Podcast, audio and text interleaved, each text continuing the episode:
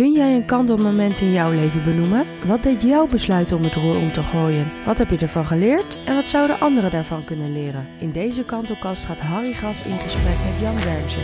Leuk hoor. Daar zit iets bij van, wij weten wel hoe het moet. En als jij nou maar doet wat wij goed vinden, dan hebben we de grootste kans op succes.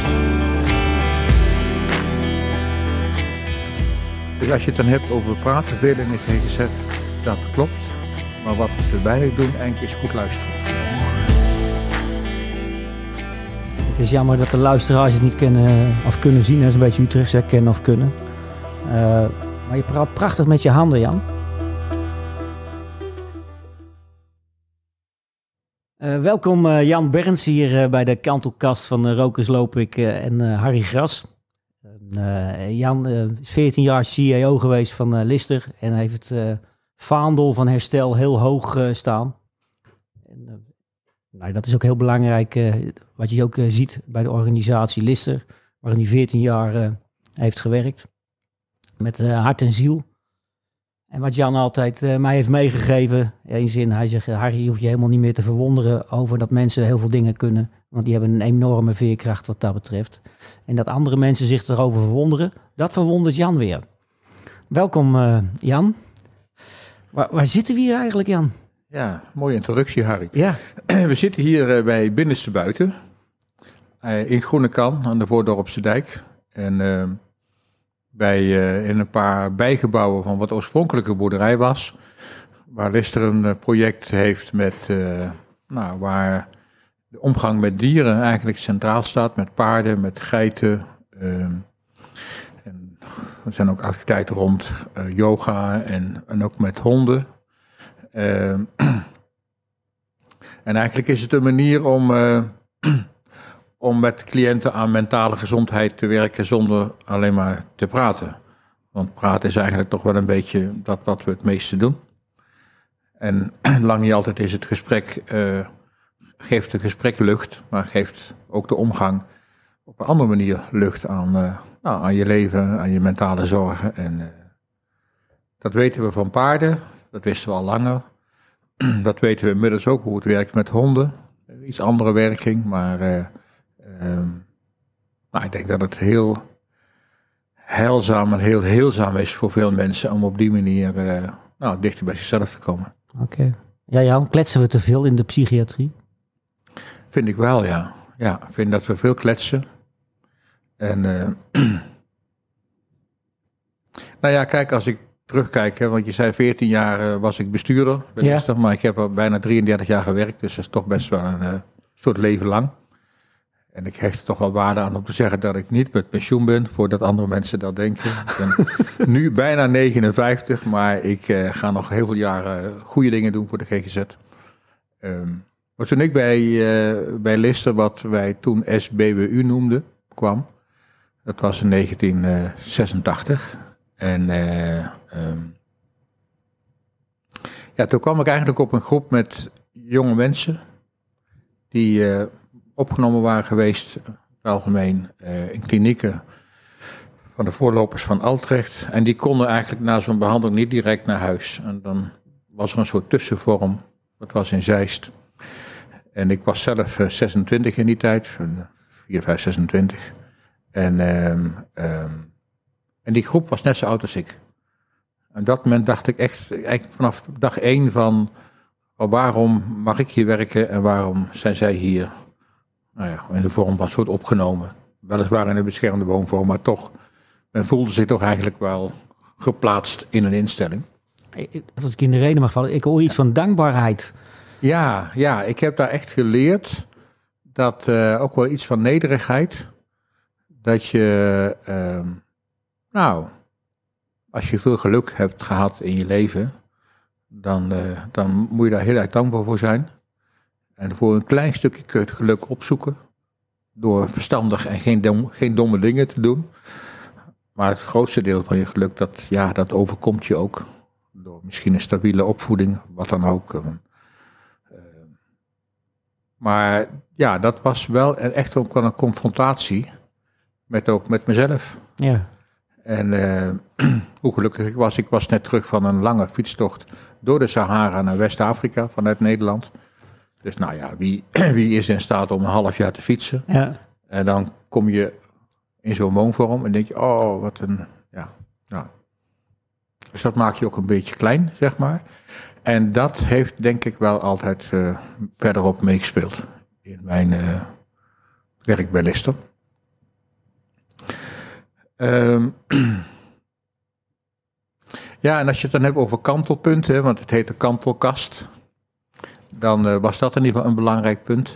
Oké. Okay. En, um, um, en het is best moeilijk om in de GGZ zo'n soort nederige houding vol te houden. Omdat de omgeving, zeg maar de hele GGZ, is dat niet gewoon. En daar zit iets bij van, wij weten wel hoe het moet. En als jij nou maar doet wat wij goed vinden, dan hebben we de grootste kans op succes. Maar erger nog, als je niet doet wat wij het beste vinden en het gaat fout, dan roepen we, zie je wel, we hadden je toch gewaarschuwd. Oké. Dus er wordt op een bepaalde manier afge afgerekend met cliënten waarvan ik denk van, uh, nou, dat toont, van weinig, dat toont weinig respect. Okay. En, uh, en als je dan nog een stap verder gaat, uh, zoals dat op een gegeven moment dan niet meer klikt tussen een hulpverlener en een klant, en de klant wordt daar boos over, dan kijken we met z'n allen naar de boosheid van die klant. En we kijken niet meer gauw van hoe dat nou is ontstaan. Hebben ik daar zelf een bijdrage aan geleverd aan die boosheid. En vervolgens ontstaat er de spanning en gedoe. Nou, en dan even tegen zit, dan wordt dat gedoe ook nog wel een beetje iets van een soort angst bij de hulpverlener. En dan schakelen we de crisisdienst in. En voor je het weet zit je opeens in de kliniek achter een gesloten deur. Ja. Dus als je het dan hebt over praten veel in de GGZ, dat klopt. Maar wat we te weinig doen, eigenlijk is goed luisteren. Het is jammer dat de luisteraars het niet kennen of kunnen zien. Dat is een beetje Utrecht, kennen of kunnen.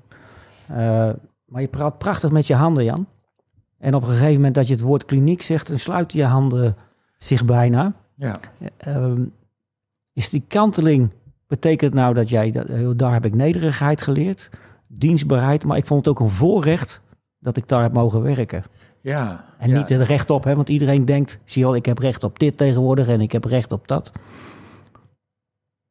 Ja, ik denk dat veel hulpverleners in de GGZ onvoldoende beseffen uh, welke kans je ook krijgt als mensen, als mens, als hulpverlener, om zo met mensen op te mogen trekken.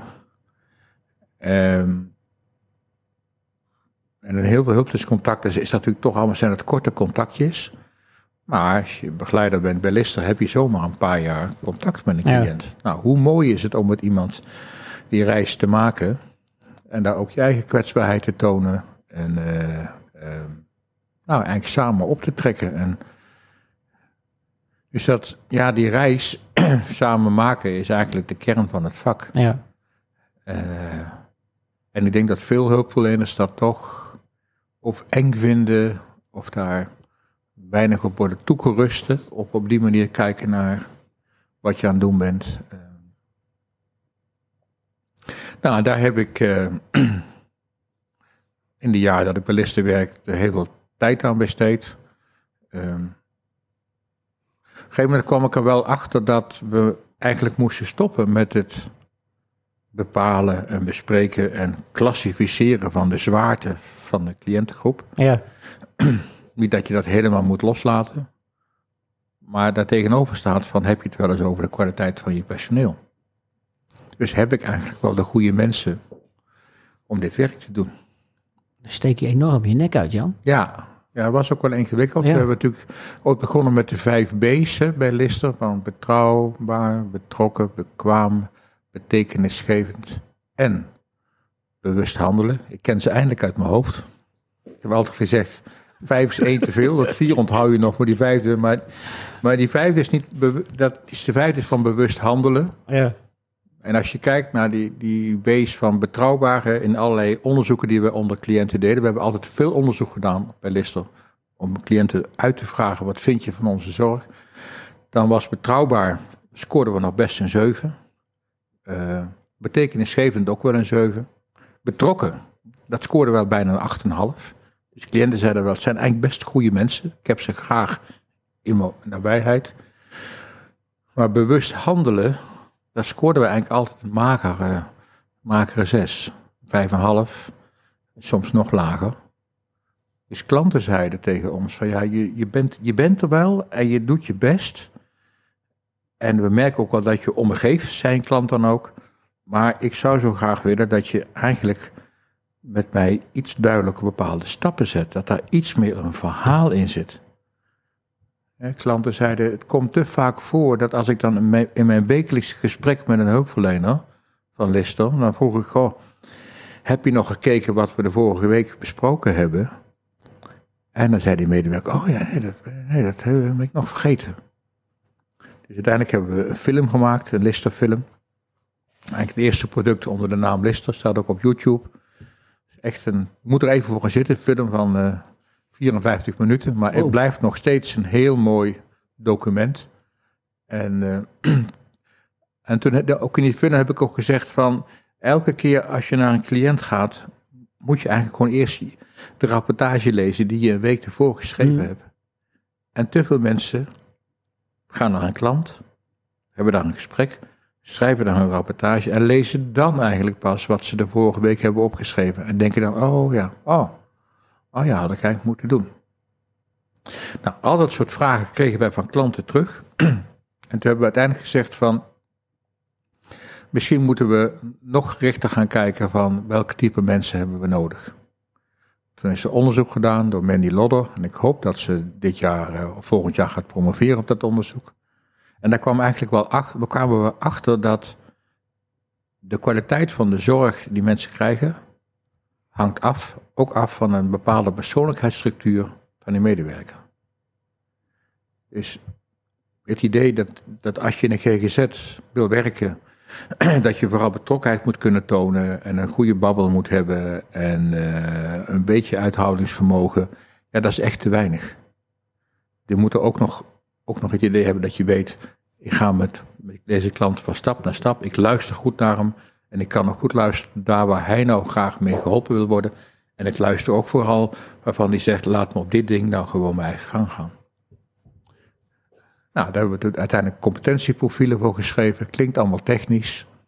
Maar. Uh, dus het kantelpunt was eigenlijk van stop nou eens met te praten over uh, de gradatie van, van moeilijke klanten. Maar begin nou eens het gesprek over de kwaliteit van die medewerker. Oké. En dat is eigenlijk in Nederland, in de GGZ, bijna onbespreekbaar. Zeker nu. Want als ik dat her en der nu in mijn nieuwe leven als, als adviseur her en der breng, dan zeggen ze, ja, maar Jan, met deze arbeidsmarktproblematiek gaan we toch niet tegen mensen zeggen dat ze dit werk niet mogen doen. We zijn al blij dat we dienstrooster rondkrijgen. Nou, dat is, uh, ja, dat is eigenlijk wel uh, een hele kwalijke zaak. Ja. Uh, ja, want jij, jij verwoordde het als het sierealisme van de medewerker. Dat is natuurlijk hartstikke veilig, want dan leg je dingen buiten jezelf. Wat, nou ik sta met beide benen in de klei, wat onze cliënten ook vaak doen. Dus je hebt een beetje zo'n parallelproces. Die verwijst naar die en die verwijst naar die. Dus je, eigenlijk zeggen, er moet een soort respons komen. In plaats van gelijk weer te reageren uh, van zo zit het en ik weet het beter. En ik noem het maar, het, het is een beetje een, ook een bepaalde mate van arrogantie. Ja, grote mate van arrogantie. Grote mate. Ja, ik denk dat als je zelf...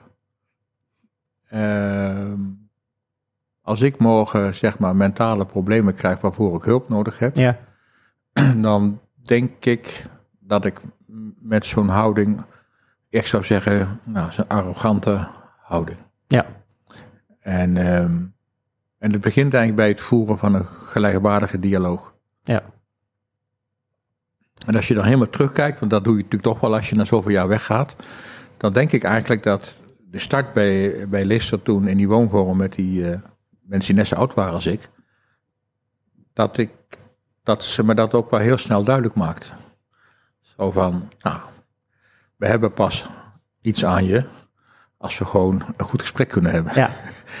en niet dat jij hier komt om deze woonvorm te runnen, om de huisregels in de gaten te houden.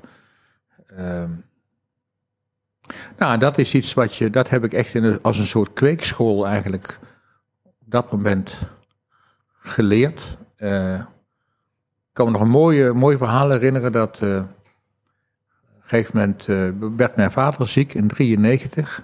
Die kreeg kanker en die nou, had, het was een vrij snel proces. Het was een maandagavond en de maandagavond hadden wij normaal gesproken de, de groepsvergadering met de cliënten van de pauw en de begeleiders. En ik vond dat ik daar ook moest zijn, maar ik had bij het avondeten, waar je dus gewoon mee had met de groep, verteld dat mijn vader later op die avond zou worden bediend. In de katholieke traditie is eigenlijk de, de fase voordat je sterft, komt de pastoor langs en die, die dient een sacrament toe en dat noemen we bedienen in Ja. de katholieke omstandigheid. Dus dat had ik zo verteld. En eh, nou, we begonnen dat groepsgesprek. En toen kreeg ik van een cliënt die eigenlijk nooit sprak, maar alles op briefjes communiceerde. Kreeg ik een briefje. Ze kwam zo van haar stoel, van een grote kring, kwam ze naar me toe, legde een briefje voor me neer. Ik vind dat je naar je vader moet. Wij redden ons wel. En toen dacht ik, ja, dat is eigenlijk wel een. eh, ik vond dat eigenlijk wel een heel mooi bewijs van hoe je ook gewoon een goede dialoog opbouwt. Ja. En, eh, en dat zij dus ook zeiden, van, nou ja, ik kreeg ook van die groep ook terug van nou, dit, ja, dit moet je dus nu gewoon doen. Ik ben ook opgestaan, toen ben ik ook gegaan. Oké. Ehm, ja, en die dialoog, dat is, eh, ja, vind ik het. Ik, nou, vind ik het ook leuk om dialogen te hebben met mensen. Dat zit ook natuurlijk een beetje in mij. Ja. Maar mijn ervaring is dat je kunt met cliënten, en als ze erg in de war zijn, mag je ze misschien wel op dat moment patiënt noemen. Ehm, eigenlijk kun je in, in, in op elk moment kun je met cliënten iets van een dialoog hebben. Dat wat vaak wordt gezegd, mensen zijn zo in de war, daar valt niet mee te praten. Nou, dan zegt dat denk ik iets meer over je eigen onkunde om op dat moment een dialoog aan te gaan, dan dat zo'n cliënt echt niet mee te praten is. Kijk, en de excessen, begrijp, weet ik ook wel. Mensen kunnen soms zo boos zijn dat ze, nou ja. Maar ik heb, eh, voordat ik bij Lister kwam, nog drie jaar op een paas gewerkt. En eh, veel begeleiding in de separeer gedaan. Ja, mijn ervaring was dat dan ook teams zeiden van, ja nee, maar er is, niet mee, er is geen contact mee te krijgen. Ja, dat baseerde ze op het feit dat ze naar binnen gingen, het eten naar binnen brachten in zo'n separeer. En dan vroegen hoe is het met je en er kwam Ja, geen reactie. Ja, wel geen gesprek mee te voeren. Totdat je op een gegeven moment dan toch een stoel pakte, wat dan ingewikkeld was. Hè, dat je een stoel meenam in de separeer, want misschien word je er wel mee geslagen. Dat soort beelden allemaal. En dan ging je er zitten. Nou, en na vijf minuten gewoon stilzwijgen, zei zo'n klant toch, goh, wat, eh, waarom kom je eigenlijk hier? Ik zei, nou, ik wil graag weten hoe het met je gaat. Oh, nou, dan kreeg je toch een gesprek. Ja. En dat is denk ik met, eh, ja, ik Is- denk is- dat er heel veel, ik denk dat we te weinig ons best doen om te begrijpen waar een klant op dat moment zit. Oké. Even tussen de regels door, hè, want dat, dat, dat, dat komt in me op. Eh, ehm, en je moet me zeggen of het wel of niet klopt. Eh, zeg je nou eigenlijk dat kijk, hulpverleners hebben de onuitwisbare drang om te gaan helpen. Zoverre zelfs dat ze in de eigen regie van de mensen lopen te brokkelen. En ehm, juist daardoor heel ondermijnend kunnen zijn. Zeg je nou eigenlijk dat hulpverlenen is een goede dialoog voeren en eigenlijk moet je op je handen gaan zitten? Ja, dat vind ik ook te ingewikkeld. Ja, ja. Op je handen zitten, dan, het lijkt dan zo van dat je niet in actie komt. Ehm, het is goed luisteren. Ehm, het is vooral proberen om te begrijpen waar die cliënt op dat moment zit. In zijn hoofd, in zijn gedachten. En nou, als je dan kunt zeggen, nou, waar zou ik jou nu het meest mee kunnen helpen? En er komt zo'n vraag, dan moet je dat ook gewoon doen. Ja. Ook al is dat iets wat niet zomaar tot je vak zou kunnen horen. Oké, gelukkig. En eh, dus ik denk dat we eigenlijk te weinig ons best doen om echt iemand te begrijpen. Eh, en dat er in Nederland ook heel veel dwang en drang wordt toegepast. Hè? Omdat we eigenlijk niet de tijd nemen om die fases die daar vooraf, gaan, om dat gewoon, ja, gewoon goed aan te pakken. Als je ziet dat de laatste acht jaar de dwang- en drankcijfers met 60% Ja. zijn gegroeid in Nederland. Ja, dat nemen we, dat wordt opgeschreven door Trimbos in een nota eh, ambulantisering. en niemand die het oppakt, niet de NPPP en niet de Vereniging van Psychiaters, niet Mind, niet de Nederlandse GGZ, zelfs Trimbos zelf wijt er eigenlijk geen woorden aan. Dus daarmee ja, accepteren we eigenlijk Dan is het gewoon ja, leuk dat die eh, cijfers er zijn, de papieren zijn er. Het ligt, het ligt op een, eh, in een kast. Er wordt een keer een artikel over geschreven in de krant en that's it. Ja, we denken er niet over na. En terwijl we wel weten hoe traumatisch voor veel mensen ook dat soort dwang, dwangverpleging ook is. Hè? Ja, Ehm, ja, dat leggen we dan toch vooral bij het feit, dan zal die cliënt wel heel erg in de war zijn geweest. Dan zal die die dwang wel nodig hebben gehad. En reflectie op dat eigen handelen, hoeveel tijd heb ik dan eigenlijk zelf besteed om misschien te voorkomen dat we zover zouden komen. Ja, dat zie je eigenlijk ook niet in die, ook niet in de rapportages terug. Hè. Nee, nee. Het is heel eenzijdig. En, eh, ik zag onlangs een, eh, een rechtelijke uitspraak van een, eh, iemand die een zorgmachtiging kreeg. En dan, nou, als ik dan zie wat de afdeling, hoe de afdeling motiveert waarom deze persoon nog een jaar een gedwongen opname nodig heeft, dan is het alleen maar, cliënt deed niet dit, hij deed niet dat, hij is niet medicatietrouw, hij, eh, hij drinkt te veel. ehm, en daar wordt een half A4'tje volgeschreven. En er staat niks bij van, afgelopen half jaar hadden wij te weinig personeel op de afdeling. Hadden we veel wisseling van eh, medewerkers. Heeft cliënt drie verschillende behandelaren gehad. Ehm daar staat niks van op papier. nee. Ik denk, als ik zie hoe deze man gaat, het zou je maar overkomen dat je in zo'n ingewikkelde fase zit en elke dag nieuwe mensen tegenover je krijgt en drie keer toe een nieuwe behandelaar krijgt waarmee je je gesprek weer moet gaan opstarten. Ja. En daar wordt niks over geschreven. Dus over onze eigen kwaliteit, Eigenlijk het signalisme, hè? Zie je wel? Eh, hij doet dit niet. Zie je wel, hij doet dat niet. Eh, met alle gevolgen van dien. nou, dus we hebben nog heel Een lange te weg te gaan. Ja. Jan, even, even terug, hè, want je zei over ja, die, die, die kanteling. Is, is dat ook, zijn dat ook de eh, zeg maar, fundamenten waarop jij die organisatie van Lister hebt opgebouwd? Qua personeel denk ik wel.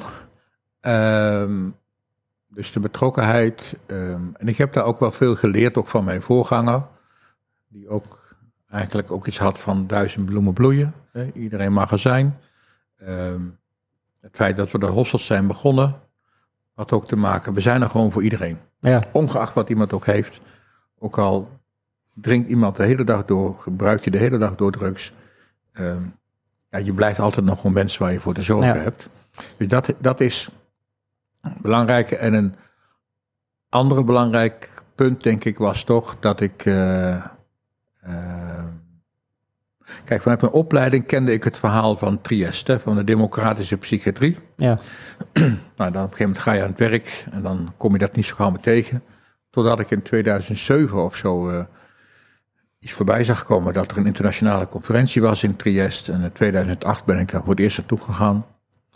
En dat was een driedaagse conferentie. En Harry, je wil niet weten, maar het ging gewoon van die drie dagen, gingen twee dagen over mensenrechten.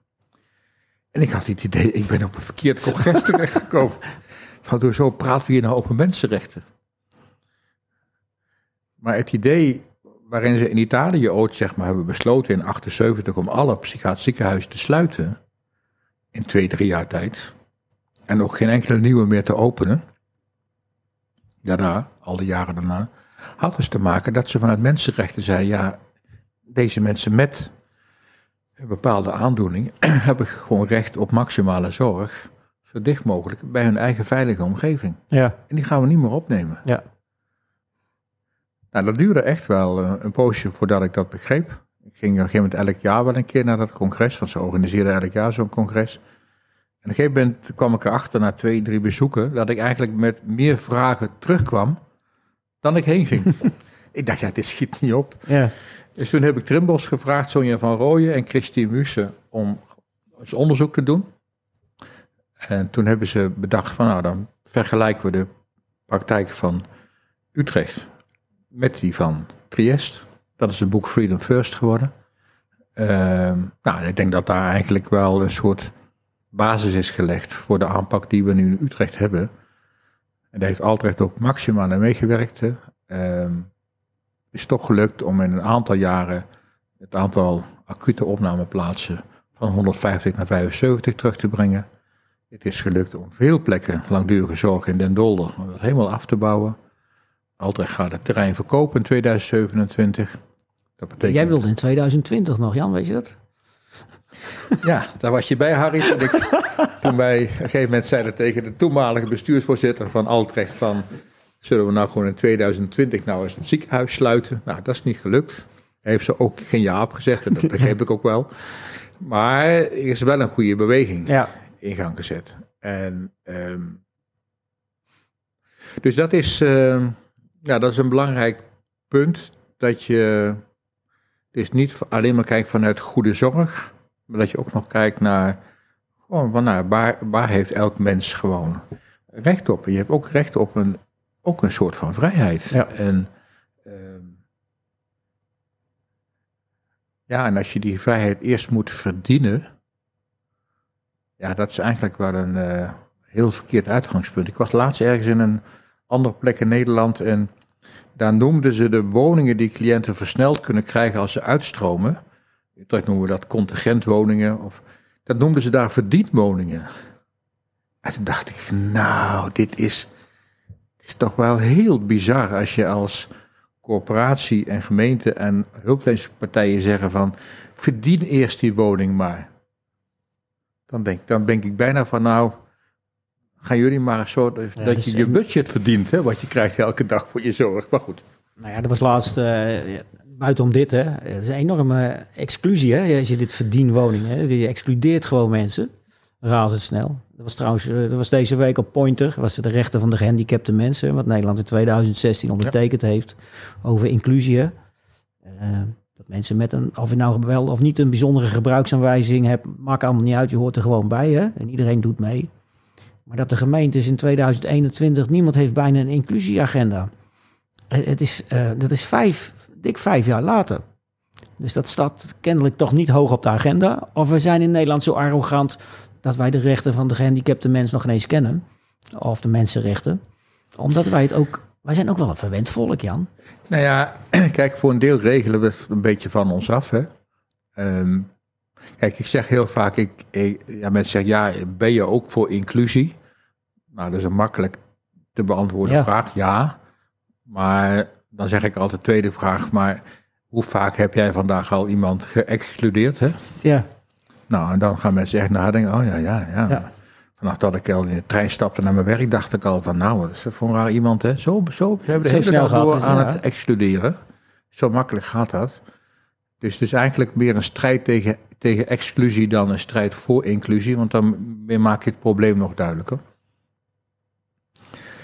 Ehm, kijk, er speelt nog iets anders in, in dat verdrag, hè, wat Nederland als ene laatste land van Europa heeft ja. geratificeerd. Albanië was na ons, maar alle Nou, andere landen we hadden toch een getekend. goede ene laatste, toch? Precies. Ja.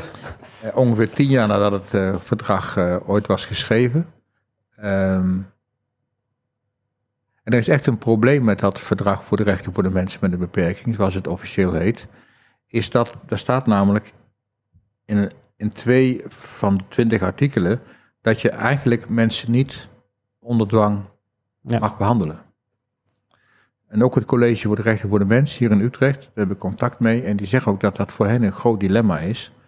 Dat op het moment dat Nederland dat convenant ondertekende, we aan een ander loket bezig waren om de, de wet verplichte GGZ eh, te veranderen.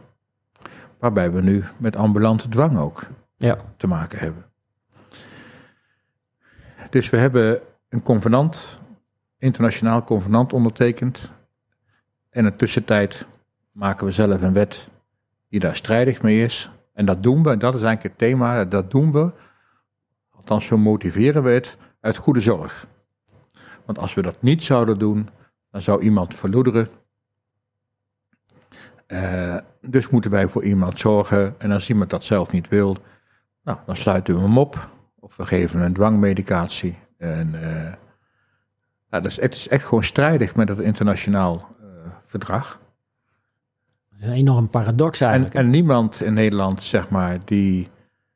Kijk, ik, een bekende van mij, Jolijn Santergoeds, van... Hmm haar actiegroep uh, Tekeer tegen de isoleer. Ja. Uh, ja, die krijgt eigenlijk ook geen, geen podium. Vanuit Lister heb ik een aantal keren haar ook financieel gesteund, zodat ze naar conferenties komt in de wereld. Maar ja, zij is een roepen in de woestijn. terwijl haar teksten, verslagen die zij maakt internationale bijeenkomsten, zijn echt gewoon echt heel goed geschreven. Dus als ik nou iets nog de komende jaren wil doen vanuit mijn mijn eigen bedrijfje, wat ik Blauwe Paard heb genoemd. Hè, dan, is dat, uh, nou, dan wil ik daar nog wel meer aandacht voor hebben. Okay. En uh, dat Blauwe Paard is een, ook een, een link met Triest. Ging door de stad heen, hè? Dat door de stad heen ging. Ja. En ehm, Marco, Marco het paard, Marco Cavallo. En, ja. um, wat als een paard het ziekenhuisterrein afging waarin alle patiënten die er toen waren een wens mochten schrijven zoals zij graag wilden leven buiten het ziekenhuis. Er zijn duizend wensen in die buik van het paard gedaan, gegaan. En met dat paard is de stad ingereden als een soort paard van Troje. Met duizend wensen, zo wil ik leven. Nou, uh, het feitelijke paard was natuurlijk niet blauw. Er heeft wel een paard bestaan op het terrein van het ziekenhuis. Marco heette dat paard ook. En toen Marco, uh, Marco was voor heel veel patiënten een soort van, uh, hoe kan het zijn dat dat paard vijf keer per dag de poort uit mag om met een kar de was te brengen, het eten te halen. En waarom zitten wij hier opgesloten? Dus het paard was voor hun ook wel een soort symbool van vrijheid. En het kreeg, het kreeg de kleur blauw, omdat dat de kleur is van de lucht. Nou, dat was de vrijheid. Dus zo is Marco ja. het blauwe paard. Ja, dat is een magnifiek verhaal. Ik ben ook een Triest geweest, Jan. Ja. Nog, toen ik eh, nog bij Altrecht werkte. En ik, ik, ik vergeet ook nooit meer de eerste vraag die een Altrecht-medewerker zei vanuit een goede intentie, omdat die patronen zo draaien in je hoofd en die dominante opvattingen van uh, wat doet u met een agressieve patiënt? Gaat u die separeren of isoleren? En het woord uh, separeren of isoleren of isolatie, ze, ze antwoorden er niet op. Ze, ze hebben het woord gewoon geskipt. Maar dat was de eerste vraag en dat was, ik, ik, weet, ik hoop dat er veel veranderd is, dat is in ieder geval, maar ik weet het niet. Nou ja, het is wel bijzonder, maar ik heb natuurlijk heel veel uh, van die reisjes begeleid naar ja. Triest. En op een gegeven moment zeiden ook die mensen op die afdeling bij, als, als een buitenlands iemand vraagt in, in Engels van, uh, nou ja, hoe ga je om met agressie? Dan weten wij bijna al dat het iemand is uit Nederland. Ja. Echt. Zo erg was het. En wij denken echt dat je agressie moet oplossen met, met een soort machtsvertoon. Ja. De, de crisisunit in Trieste is een uh, plek met vier of zes bedden, waarbij de deur open staat. Dus dan vraagt zo'n Nederlands verpleegkundige, ja, maar wat doe je nou als die patiënt wegloopt? Nou, zegt hij die verpleegkundige, dan ga ik met loop ik erachteraan. Ja. Dan ga ik mee de stad in. nou, dat is in Nederlandse begrippen niet, ja, is not done. niet te bedenken. Nee. Nou, en dan zeggen mensen, ja, maar Jan, Italië is een uh, ander land, andere cultuur, daar is de familie veel belangrijker. En ik, ik, ik kom er vaak en het is een ander land, dat klopt. Maar dat wij in Utrecht tien keer vaker in die BS uitschrijven, of een zorgmachtig als het nu heet uitschrijven, dan in Trieste. Dat is twee jaar geleden nog onderzocht, hè, tien keer vaker. Het is niet alleen maar Trieste, maar dezelfde cijfers gelden voor Verona, voor Udine, het is allemaal, in Utrecht zitten wij tien keer hoger. 700 zorgmachtigingen per jaar schrijft de burgemeester hier uit in Utrecht. En dat zijn er 70 voor een vergelijkbare omvang in Italië. En qua inwoners. En dat, ja, dat verschil is niet alleen maar te duiden doordat daar de cultuur een beetje anders is. Het heeft te maken met de manier waarop wij denken het probleem op te moeten lossen. Een beetje beetje ouderwets van wie niet horen wil, moet maar voelen. Ja. Ik heb je toch gewaarschuwd. Je doet gewoon niet wat ik wil. Eh, ik heb ook geen tijd om met jou heel veel dingen te doen. Dus, uh, nou, ja, een beetje gek. Eigenlijk zijn wij een stel uh, moraalridders. Hè? We denken het allemaal wel te weten en zo moet je het oplossen. Ja, en je zou zomaar kunnen denken als je dit hoort van nou, er zit nog zo'n moraalridder achter de microfoon hè, die van alles vindt. Maar, ehm, nou ja, ik denk dat het, als je het heel dicht bij jezelf houdt, zou je moeten zeggen, ja, hoe zou ik nou behandeld willen worden Ja.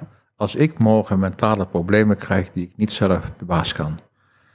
En ehm, nou, dan wil je denk ik vooral veel aandacht, je wil respect, je wil niet meteen dat ze met medicatie eh, aankomen, maar dat, ze, nou, dat je gewoon wordt geholpen op een manier zoals jij dat graag wil. Daar is eigenlijk de GGZ niet, niet op ingericht. Ehm, en het probleem is dat mensen vaak zeggen, ja, maar je moet al die GGZ-medewerkers niet afkraken. En dat doe ik ook niet. Dat wil ik ook helemaal niet.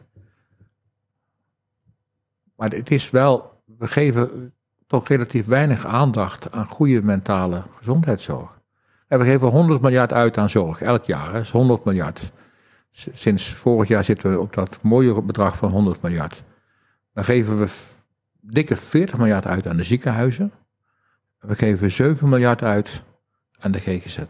En de rest is ouderenzorg en verstandig gehandicaptenzorg. Ja.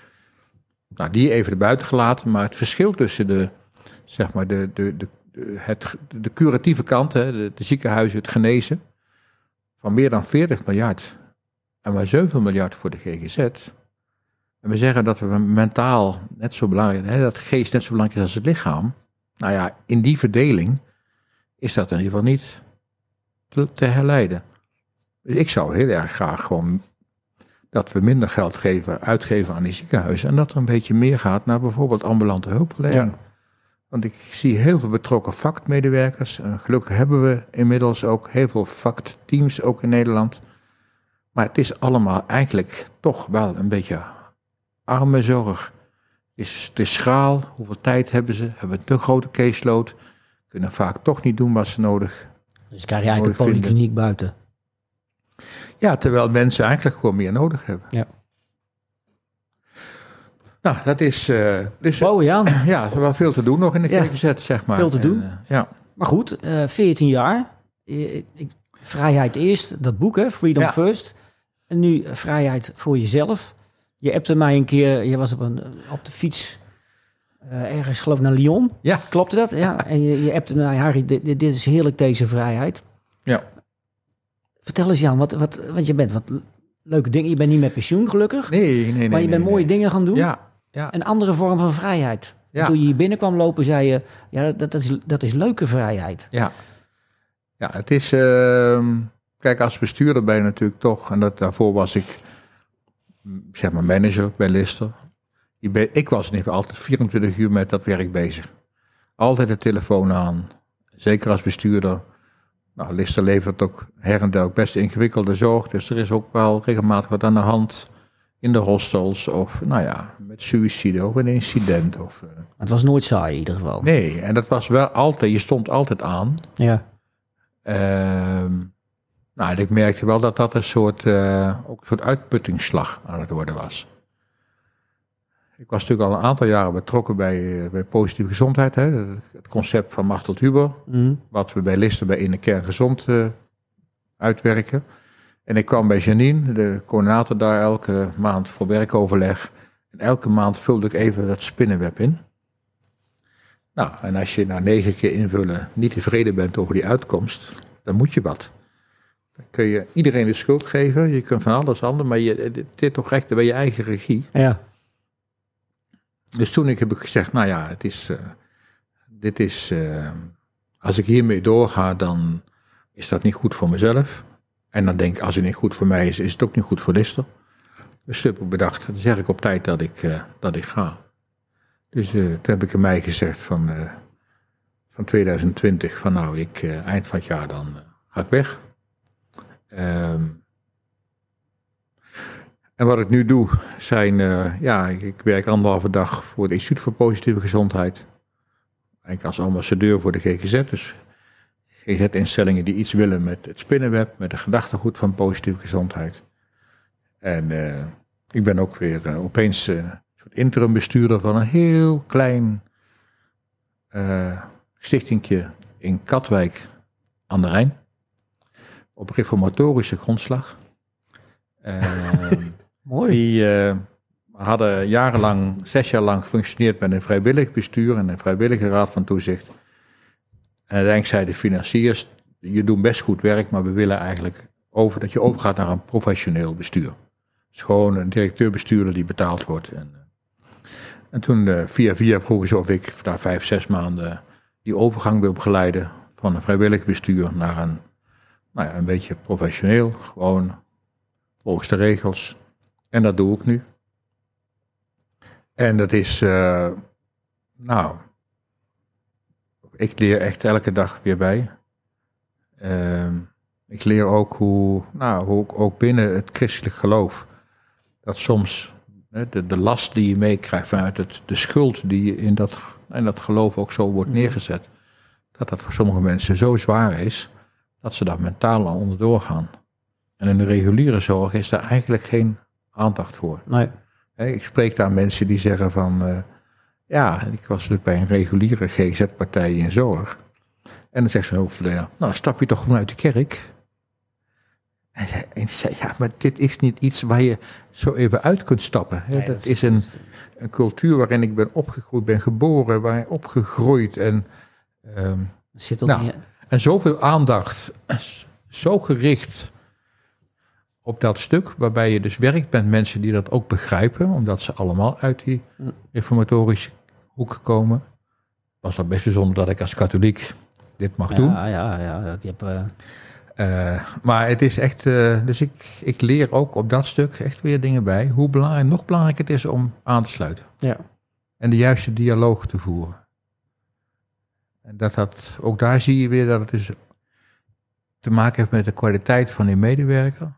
Of de dialoog wordt gevoerd op een manier dat die klant er wat aan heeft. Oké. Okay. Vind je nou eigenlijk, Jan, een beetje suggestief dat elke medewerker moet getraind worden in een uh, narratieve hulpverlening, het, het verhaal?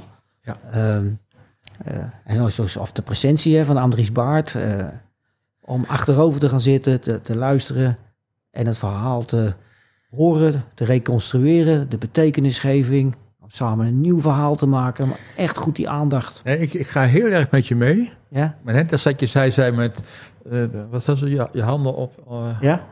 Op je handen gaan zitten? Op je handen gaan zitten en, niet en achteroverleunen. Um, dat, dat, dat, stuk vind ik, ik, vind ik zelf ingewikkeld. Ja. Omdat ik. Uh, ja, dat, dat roept bij mij iets op van. Ook iets van ongeïnteresseerdheid. Ja, ja. En dat, dat mag het vooral niet zijn. Nee. Um, maar als achteroverleunen betekent dat je eigenlijk uh, je cliënt de tijd geeft om in zijn hoofd het, een antwoord op een vraag te formuleren. En dat je niet na 20 seconden stilte het dan maar zelf gaat invullen, omdat je toch een gesprek moet hebben. Jongens, echt, wacht soms gewoon een minuut. Ja. Maar het verhaal komt gewoon. Alleen niet iedereen heeft over zulke ingewikkelde levensvragen zomaar na vier seconden een antwoord klaar. Dus geeft, geeft eigenlijk iemand de ruimte, ja, in tijd. die tussenruimte, tijd. in die mijmeringen in zijn hoofd, die er gewoon er te laten zijn. Maar het is, uh, het is, het is de ruimte. En ruimte is zo'n best wel een soort vaag begrip. Maar het is, als je nou iets gewoon kunt definiëren, is het tijd. En tijd echt in feitelijke, gewoon tijd. Ik sprak ooit nog eens met een, uh, uh, psychiater van een afdeling van een ziekenhuis in het zuiden van het land. En daar hadden ze de separeer, de uren separeer echt tot bijna nul teruggebracht. En toen zei ze, ja, dat is ook wel, is ook best wel hard werken. Want ja, dan denk, dan denk ik toch, deze patiënt zou heel, veel, heel erg gebaat zijn bij toch een medicatie met een, via een injectie, met een depot. Uh, en soms zit ik er dan wel een uur naast, voordat de cliënt zegt, ja, nou als je zoveel interesse in me toont, dan zal het wel gemeend zijn. En misschien moet ik dan toch maar die spuit nemen. Ja, ja. In plaats dat je dat na vijf keer zegt, nou, we komen zo met de spuit hoor. Nee, we komen nog even vijf minuten. En, uh, nou, en dan lukt dat niet en dan wordt iemand boos en dan gaan ze bellen en dan staan ze met z'n vijven. En dan denk ik, nou, alsof inzet van vijf verpleegkundigen op dat moment die met een pieper opgepiept worden, want er is wat aan de hand. Het is traumatisch voor de patiënt en het is ook niet goedkoper als dat daar iemand gewoon, zeg maar, een uur naast gaat zitten. Maar dat idee dat, dat, dat het allemaal snel moet en mensen allemaal het antwoord wel klaar hebben, neem maar gewoon schone tijd. Zoals ik ook zou willen dat ze voor mij tijd nemen, als het nodig is. Ja, als ik ooit in de bak kom, raak, Harry, dan kom ik bij jou. Dat is wel duidelijk. Dat, eh, Nou, ik, werd, ik werd onderlaat 60, Jan. En eh, ik had eh Cassandra uitgenodigd, een ervaringsweken. Ik had eh, en nog een paar mensen uitgenodigd. En nou ja, in ieder geval bedankt dat je bij mij wil komen. Maar als ik in de war raak, dan wil ik toch wel, ga ik naar deze mensen toe. Ja. Die hebben ook zo'n natuurlijke rust en weten wat het is. En eh, in ons werk zet ik ze dan ook vrij snel in, omdat ik het af en toe gewoon niet weet. Ik weet niet hoe een psychose voelt. Ik probeer het wel. Ehm, en dat was wel een mooi eh, voorbeeld ook met eh Nicky en een cliënt van ons. Die nam ik mee toen nog bij de Social Run, eh, waar Nicky zat. En deze jongen die ging er zitten en die had ook, nou ja, die was gevoelig voor psychoses. Hij had in zijn psychose bijzondere dingen gedaan. En dacht op een hele andere manier, op een spirituele manier. En ze gingen naast elkaar zitten en ja, de chemie is totaal anders. Het is totaal anders. En dat is mooi om te zien, om die krachten juist in te zetten. En dat, dat zie je toch bij Lister mooi terug. Hè? Dat je zegt, ja, je moet toch herstel, doe je ook met z'n allen. Met ervaringswerkers en alle partijen. Of het nou hier bij binnenste buiten is, met een paard of met een hond, het maakt allemaal niet uit. Om iemand weer mentaal wat weerbaarder te maken. Ja, ik heb enorm veel geleerd van ervaringsdeskundigen. En eh, ik heb natuurlijk al die jaren met Martijn, Martijn Code mogen werken. En ehm, nou, ik denk dat Martijn heeft veel van mij geleerd over hoe, hoe zo'n bedrijf werkt, Ja. hoe verpleegkundigen denken. Maar ik heb zeker zoveel van hem geleerd. Ja. En ik gun eigenlijk ook gewoon elke bestuurder gewoon zo iemand naast je die je gewoon wegwijs maakt in, Ja, in deze wereld. Ja. En eh, nou, het is enorm belangrijk om, eh, om zo iemand eh, naast je te hebben. Ik kreeg ook wel eens vragen van eh, mensen van, goh Jan, doen wij ook zo Martijn? Hè? Zo van, alsof dat ook zomaar even te toveren is. Moet je wel in investeren. Hoor. Je investeert in elkaar. ja, Maar goed, je ziet in het land wel gelukkig steeds meer gewoon hele goede ervaringsdeskundigen. ja, gelukkig. En eh, ja, die hebben we echt nodig om, eh, om de zorg te verbeteren. Nou Jan, we- ja, we kunnen wel uren eh, praten zo, Jan. Hè, maar wat ik heb gehoord is nederigheid, dienstbaarheid, eh, aandacht, eh, goed luisteren. Maar dat het ook een, voorrecht is dat ik eh, zo begonnen ben zoals het gegaan is. Dat ik begonnen ben op mijn 26e en denk van holy macaroni. Er zitten hier mensen die ook 26, 27 jaar zijn. En dan ben ik ook dankbaar dat het niet zo gelopen is zoals het gelopen is. En hun zullen misschien ook zeggen, ik ben dankbaar dat het wel zo gelopen is zoals het gelopen is. Want daardoor heb ik weer mooie dingen kunnen doen. Eh, nou ja, dat is ieder zijn lot, denk ik dan maar, zoals het, Zeker. zoals het loopt. Je geniet van je vrijheid op een andere manier. Ja. Waarvan ik denk, ben je misschien niet wat drukker dan voorheen. Maar nu op een leuke manier, vertelde je. Nou, dat, is- dat is heel mooi. En je noemde ook een beetje het kantelpunt waar je zo begonnen bent. Zijn er nu nog, omdat het toch de kantelkast heet, Jan. Hè, dan moeten we er toch iets van kantelingen in hebben. Hoe dat Nou zo ja, wat ik- bijzondere woorden. wat ik zijn er nog andere kleine is- dingetjes? Ja, en Denk- wat ik echt hoop is dat ik met een paar mensen. ehm, kijk, ik heb mijn eigen bedrijfje Ja. Blauwe Paardadvies genoemd. Ja, Maar ja, je moet ergens een naam geven. Je moet natuurlijk bij de Belastingdienst overal bekend staan. Eh, dus dat is die adviesfunctie. Maar ik zou het wel mooi vinden als dat Blauwe Paard ook zou kunnen komen staan voor een beweging van minder dwang en drang. En, eh, en gewoon veel meer tijd voor, eh, voor patiënten en cliënten. En dat we langzamerhand dan af kunnen van eh, onbegrepen gedrag. Dat wordt toch vaak richting klanten gezien alsof, alsof zij iets doen wat niet goed is. Maar eigenlijk is het gewoon ons gebrek om te begrijpen waar het over gaat. ja, En ik zal er alles aan doen om nou, dat mensen die daar interesse in hebben, om die meer begrip te doen krijgen voor wat er met die cliënten aan de hand is. Dus Oké. dat is echt wel een belangrijk. eh, ik ben lang niet klaar. dus daar hoop je op, Jan. Ja, daar hoop Hey, ik. ik las ergens, Jan, dat wat zuurstof is voor de longen, is eh, eh, hoop voor de geest. Dat is mooi. Zullen we daarmee eindigen? Lijkt me mooi. Ja? Ja. ja. Hoop is een eh, belangrijk thema. Ja. Dankjewel. Oké, jij ook bedankt. Dit was weer een nieuwe aflevering in een lange serie kantelmomenten van de Kantelkast. Je hoorde Harry Gras en Jan Bernsen. De Kantelkast kun je beluisteren op Spotify, Buzzsprout en Apple Podcast. Als jij er iets van vindt, laat dan een review achter en deel hem met je netwerk. Dat gaat ons en anderen helpen. Bedankt voor het luisteren en tot de volgende Kantelkast.